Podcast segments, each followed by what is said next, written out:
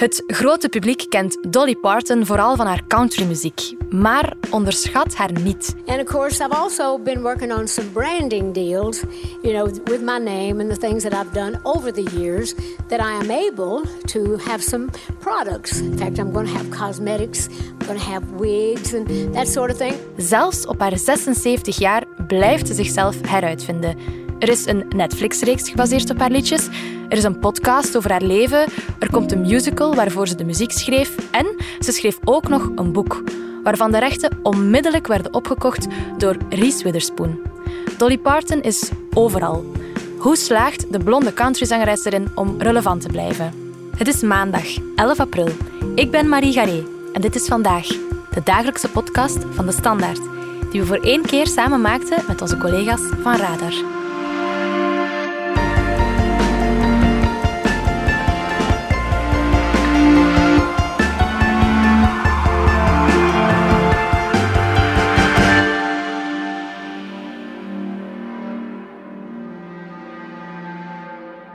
Dag Inge Schelstraat, je bent muziekjournaliste voor onze krant.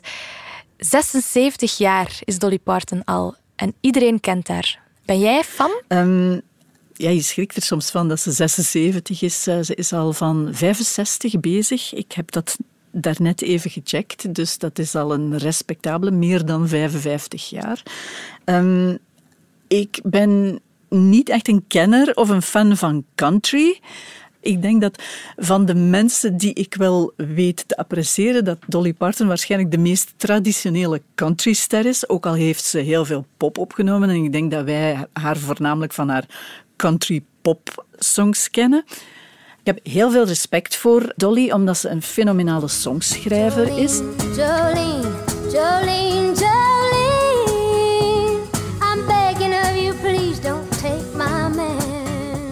Iedereen kent Jolene en I Will Always Love You. Uh, dat zijn bijvoorbeeld nummers die ze op één dag geschreven heeft, die twee nummers.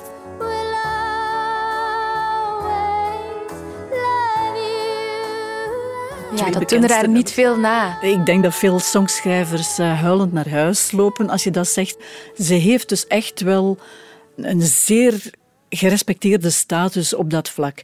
Daarnaast is ze, behalve performing artist, dus die nog altijd platen opneemt en veel optreedt, is ze ook een uh, zeer slimme zakenvrouw die verder kijkt dan de muziek, die dat al heel lang doet. En ja, dat blijkt nou weer, hè, die Netflix-reeks van haar. Uh, je kunt dat melig en zoetig vinden, maar die, die wordt ook buiten de States enorm goed bekeken. Er is dat boek.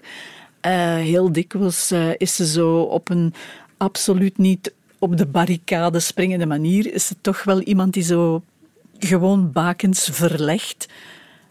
En op een manier waarop je dikwijls achteraf denkt van oh ja, dat is waar, zij heeft dat als eerste gedaan. Je zei het al, onlangs kwam ze dus ook met een, met een boek naar buiten. Mhm. Wat moeten we daarvan vinden als iemand zo allround is? Uh, ja, dat boek heeft ze blijkbaar met een ghostschrijver gedaan, uh, maar het, het, verbaasde mij totaal niet dat iemand als Dolly Parton het uh, zou doen. en ik, ik moet bekennen, ik heb het niet gelezen, nog niet gelezen, of ik zal er misschien ook niet aan toe raken, maar ik hoor wel van mensen die het wel gelezen hebben, dat het gewoon een beetje opgebouwd is zoals haar liedjes. Er zit heel veel in dat ze zelf heeft meegemaakt. Het gaat over een jonge countryzangeres die het wil maken. En ik denk dat dat wel een beetje Dolly Parton is. Anderzijds, ze wordt ook door een oudere countryster onder haar vleugels genomen. En die oudere countryster vertelt blijkbaar wel een aantal dingen die, die voor ons moeilijk in te beelden zijn, maar die wel uit haar eigen ervaring komen. Toen Dolly Parton begon als eh, jonge zangeres, was het bijvoorbeeld bij veel countryzenders de regel dat je geen twee zangeressen uh, na elkaar draaide. Dus het was echt wel een mannenbastion, wat eigenlijk heel vreemd is, want country heeft altijd ook heel sterke figuren, vrouwelijke muzikanten gekend die hun eigen nummers schreven. En in dat opzicht zouden wij denken dat ze dan vooruitstrevender waren dan de rock of zeker de popmuziek, waar vrouwen niet hun eigen nummers schrijven.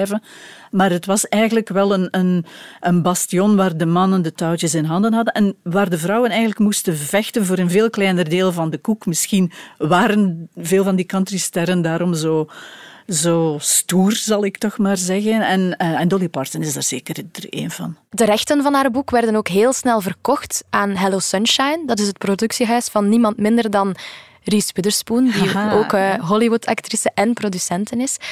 Is Dolly Parton dan naast zangeres eigenlijk vooral een heel slimme zakenvrouw? Uh, ze is absoluut een, heel slimme zakenvrouw. Ik denk niet dat ze het geld van dat boek nodig had, maar gewoon uh, ze kon het doen en het werd haar voorgesteld en ze had er zin in en dan doet ze het. Het verbaast mij trouwens ook niet dat Reese Witherspoon dat doet. Ik herinner mij dat Reese als beginnende actrice in toch wel ja, tienerfilms en kleine comedies en zo, dat zij toen al zei als jonge twintiger, ik ga doen wat de mannen doen, ik ga een productiefirma oprichten, dan kan ik zelf betere rollen voor mezelf versieren, dan kan ik ook samenwerken met andere vrouwen die mij aanstaan herinner je ook dat Reese Witherspoon echt een superster geworden is dankzij Legally Blonde, waar ze dus een dom blondje in speelde.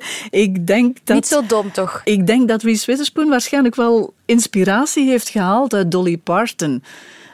het, het, feit van, als jullie willen mij afdoen als een dom blondje, doe maar. Maar ondertussen doe ik gewoon verder waar ik aan, aan het werken ben. En het feit ook dat, dat ze haar, haar geld heeft geïnvesteerd in projecten die ze graag wil doen. Uh, het verbaast me totaal niet. Ik denk dat er een Reese-Dolly-connectie is waar we, waar we waarschijnlijk nog wel van zullen horen. Ja, en Dolly Parton heeft niet alleen een boek nu of, of uh, muziek, maar ook bijvoorbeeld een parfumlijn en ook een pretpark, Dollywood. Die heeft al veel langer, ja. Um, Dolly Parton is dus, zoals ik dat juist zei, in 65 begonnen. Je zou denken dat zo iemand die kan wat zij kan. Uh, ze kan schrijven, ze zingt goed, ze, ze speelt gitaar. Dat die meteen uit de startblokken vloog. Maar Monument, het label waar ze dan voor tekende, die vonden haar stem te hoog en te meisjesachtig. En die vonden dat niet passen bij country. Die wilden haar eerst in een poprichting duwen, wat daar totaal niet afging. En dan heeft ze dan toch countryplaten opgenomen. Eh, heel erg zware countryplaten met, met veel echt triestige songs waar, waar echt zakdoeken songs. Dus over mensen die doodgaan en vrouwen die uh, worden um, opgesloten in een, uh, in een krankzinnige gesticht door een of andere field van een, van een minnaar of een, een man. Die is dan opgevallen bij Porter Wagoner, die een traditionele countrymuzikant is, maar ook een, een country impresario die heel veel countrysterren heeft ontdekt. Ze heeft jaren met hem getoerd. Op een gegeven moment heeft ze dus dan toch besloten van ik ga mijn eigen platen opnemen. Ik ga niet meer in, het, in, het tour, in de tourrevue van Porter Wagoner meegaan. Uh, wat iedereen absoluut zelfmoord vond, maar ze heeft dat gedaan met veel succes. Trouwens, I Will Always Love You is een afscheidssong aan Porter Wagoner, met wie ze dus nooit een, een, eh, een koppel heeft gevormd, maar wel heel lang heeft samengewerkt. Dus, uh, ja, ze mocht vertrekken bij hem op voorwaarde dat hij dat liedje nog mocht op de markt brengen. Hè? Inderdaad, ja, klopt. Dan is ze met Dollywood gekomen. Dus Wat een... van de grootste werkgevers is van de Tennessee. regio. Ze heeft heel veel kleine en grote bedrijven opgezet of gesteund in Tennessee, wat traditioneel een staat in de States is die niet de rijkste is, waar heel veel mensen werkloos zijn waar Nashville een van de grootste werkgevers was en waar Dolly dus nu uh, uh, daar als spin-off met haar uh, pretparken eigenlijk ook een zeer grote werkgever is. Ja. Well, I do have a lot of dreams. I got them coming every day, and I'm very proud of Dollywood. That was a, my original dream to have this park here back way back when. But the people, you know, have seemed to love it, and I tell people all the time how wonderful the staff is here. I mean, they just really are like family to me. And what I really want is to create a great place for families of all kinds to have fun together. Ja, ze doet dus veel meer dan enkel geld verdienen. Ze geeft eigenlijk heel veel geld weg ook via verschillende ja, liefdadigheidsprojecten. Ja. Ja.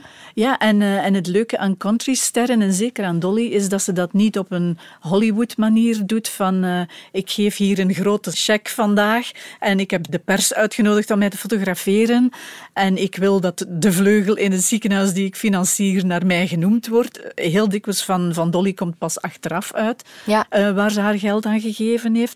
Maar uh, inderdaad, uh, in Tennessee had ze bijvoorbeeld uh, ergens een, een kindervleugel, niet gefinancierd op haar eentje, maar was een hele grote donor daarvan. En dat was zoiets dat, dat pas later uitgekomen is van hey, Dolly Parton heeft daar uh, uh, veel geld aan gegeven. Dankzij haar connectie met dat ziekenhuis en met een arts daar, dokter Naji Abumrad, dat is nog zoiets. ik denk dat iemand met zo'n naam het in Tennessee niet echt gemakkelijk heeft om sponsors te vinden, maar mm -hmm. Dolly trekt zich daar niks van aan heeft zij dan bijvoorbeeld ook, uh, is zij een van de geldschieters geworden uh, van het onderzoek naar uh, een van de vaccins tegen het coronavirus. One of the things I'm proud of since we were in the pandemic was when this first started, I was uh, kind of felt led, so to speak, to donate some money to Vanderbilt for the research for a vaccine.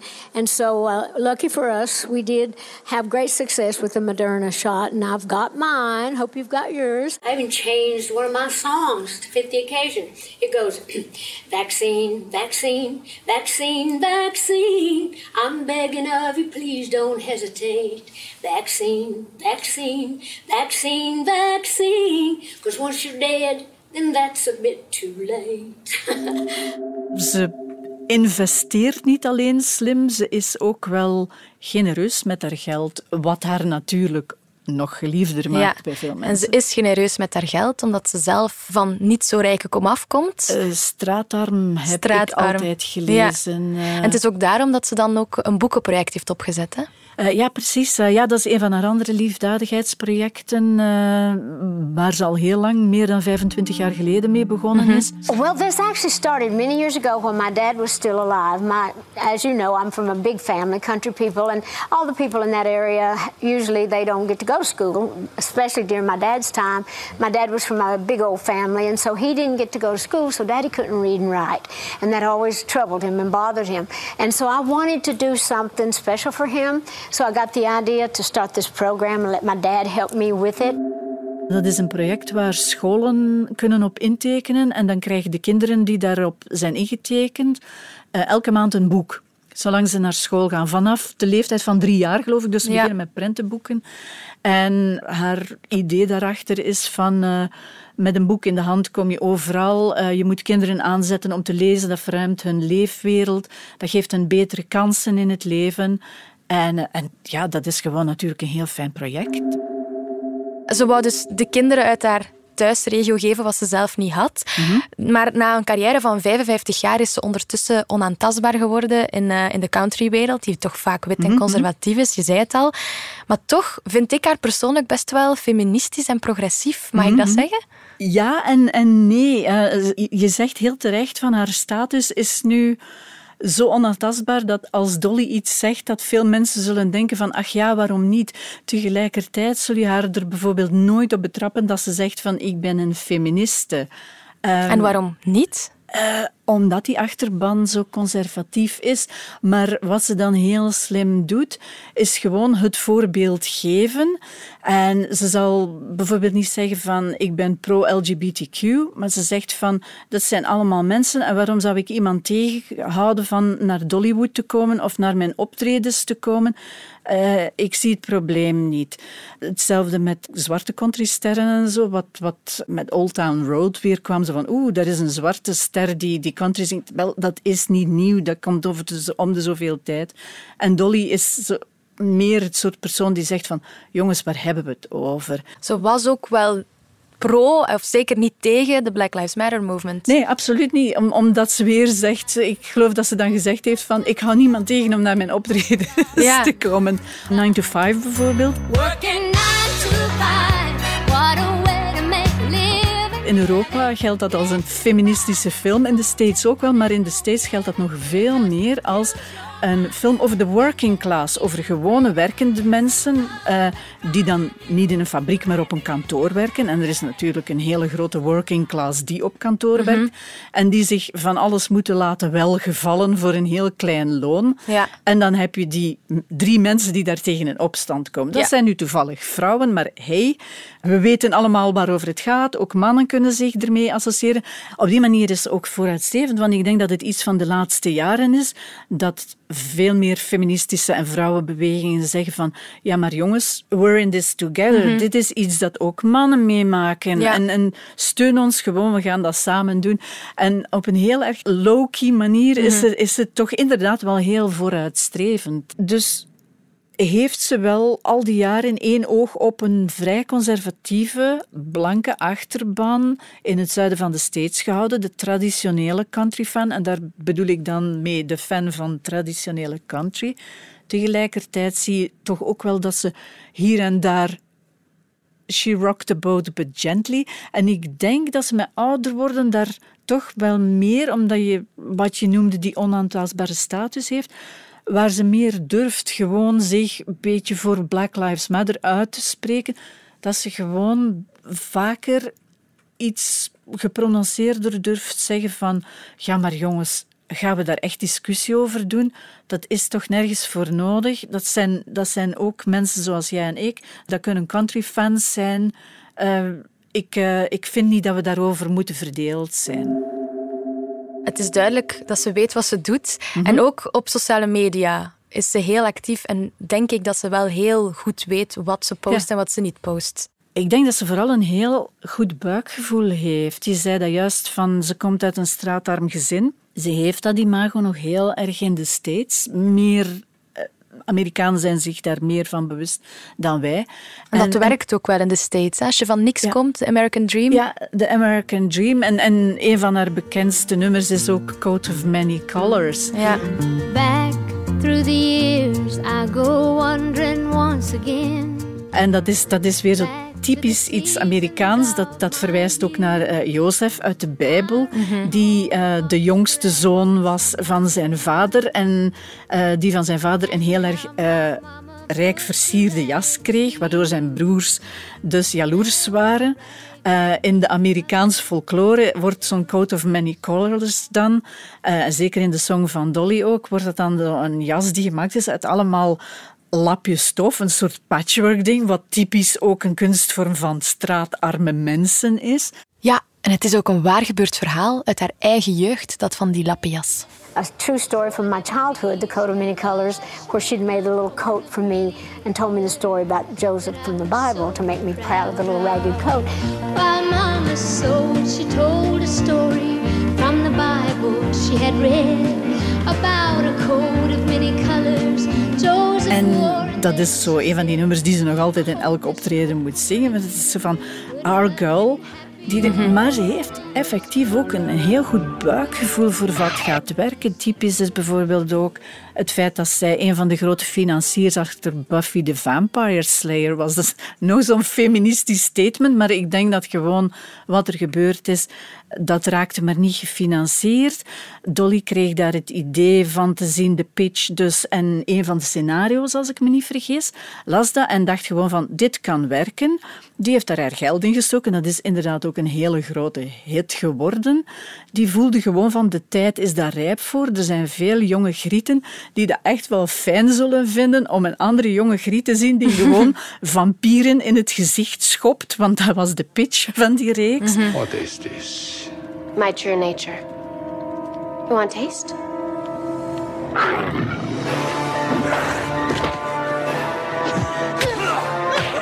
En die daar haar geld in gestoken heeft. En pas later komt dan uit zo van, die slimme Dolly Parton heeft daar weer goed geld aan verdiend, want zij was een van de financiers daarvan. En hetzelfde, denk ik, heb je met die sociale media. Ze heeft altijd een heel goed idee gehad, meer dan veel andere Amerikaanse artiesten, van wat je zegt in een... eh, Europees blad, dat kan vroeg of laat ook toch de Amerikaanse pers bereiken. Dus je gaat daar, daar niet op betrappen. Je gaat daar niet betrappen op kritiek op andere artiesten, zelfs niet op Nashville. Eh, je gaat daar er niet op betrappen dat ze zegt van ik ben een feministe. Dus tegen de tijd dat de sociale media kwamen en dat heel veel, zeker eh, eh, muzikanten van haar generatie, moesten leren van dat raakt overal verspreid voor je ugh kunt zeggen. Dolly wist dat gewoon al. Die, haar gevoel daarvoor is, is gewoon heel goed. En ja, Dolly op sociale media, dat is een vriendin die tegen je praat. Hè. Ja. En als je veel jonger bent, dan is dat een, eh, een of andere sympathieke tante die tegen Ja. je praat. Of Ja. zo. En ze heeft ook altijd heel goed met zichzelf kunnen lachen. Hè. Ooit zei ze, Mhm. het kost heel veel geld om er zo goedkoop uit te zien. Dat is denk ik een van haar meest slimme zetten gewoon die ze ooit gedaan heeft. Eh Dan Blonde was de eerste hit van Dolly, dus eind jaren 60 als ik me niet vergis, die in de top 30 raakte, Mhm. de Billboard charts. Dolly, you uh, you also have recorded another song recently, and and it's a beautiful song. Why don't you go sing "Dumb Blonde"? Uh, I mean, no, I mean, I don't Do think what? that. Uh, dumb, uh, no, that's not the way I should put it. Uh, wait a minute now, I'll think of it. Dolly Parton recorded a song called "Dumb Blonde." Yeah. She is about to sing it for you. Thank you, Bobby. Dolly. Ik denk dat ze daar gewoon haar handelswerk van gemaakt heeft. Ze omringd door allemaal mannen waar ze keer op keer aan moest laten zien van ja, maar ik kan dit echt wel. Laat mij dat doen. Ik ga dat schrijven. Dit is een song van mij. Heeft ze gewoon op een gegeven moment gedacht van weet je wat jongens, als jullie denken dat ik toch maar een dumb blonde ben, dan ga ik daar gewoon mijn handelswerk Ja. van maken. En it costs a lot of money to look this cheap. Dat is een van haar geweldige uitspraken. It costs a lot of money to look this cheap. toont ook hoe, hoe slim ze eigenlijk is. En, en dat ze echt wel gevoel voor humor heeft en taalgevoel. Oh, I know they make fun of me. But actually, all these years, the people, you know, have, has thought the joke was on me, but it's actually been on the public. I know exactly what I'm doing, and I can change it at any time.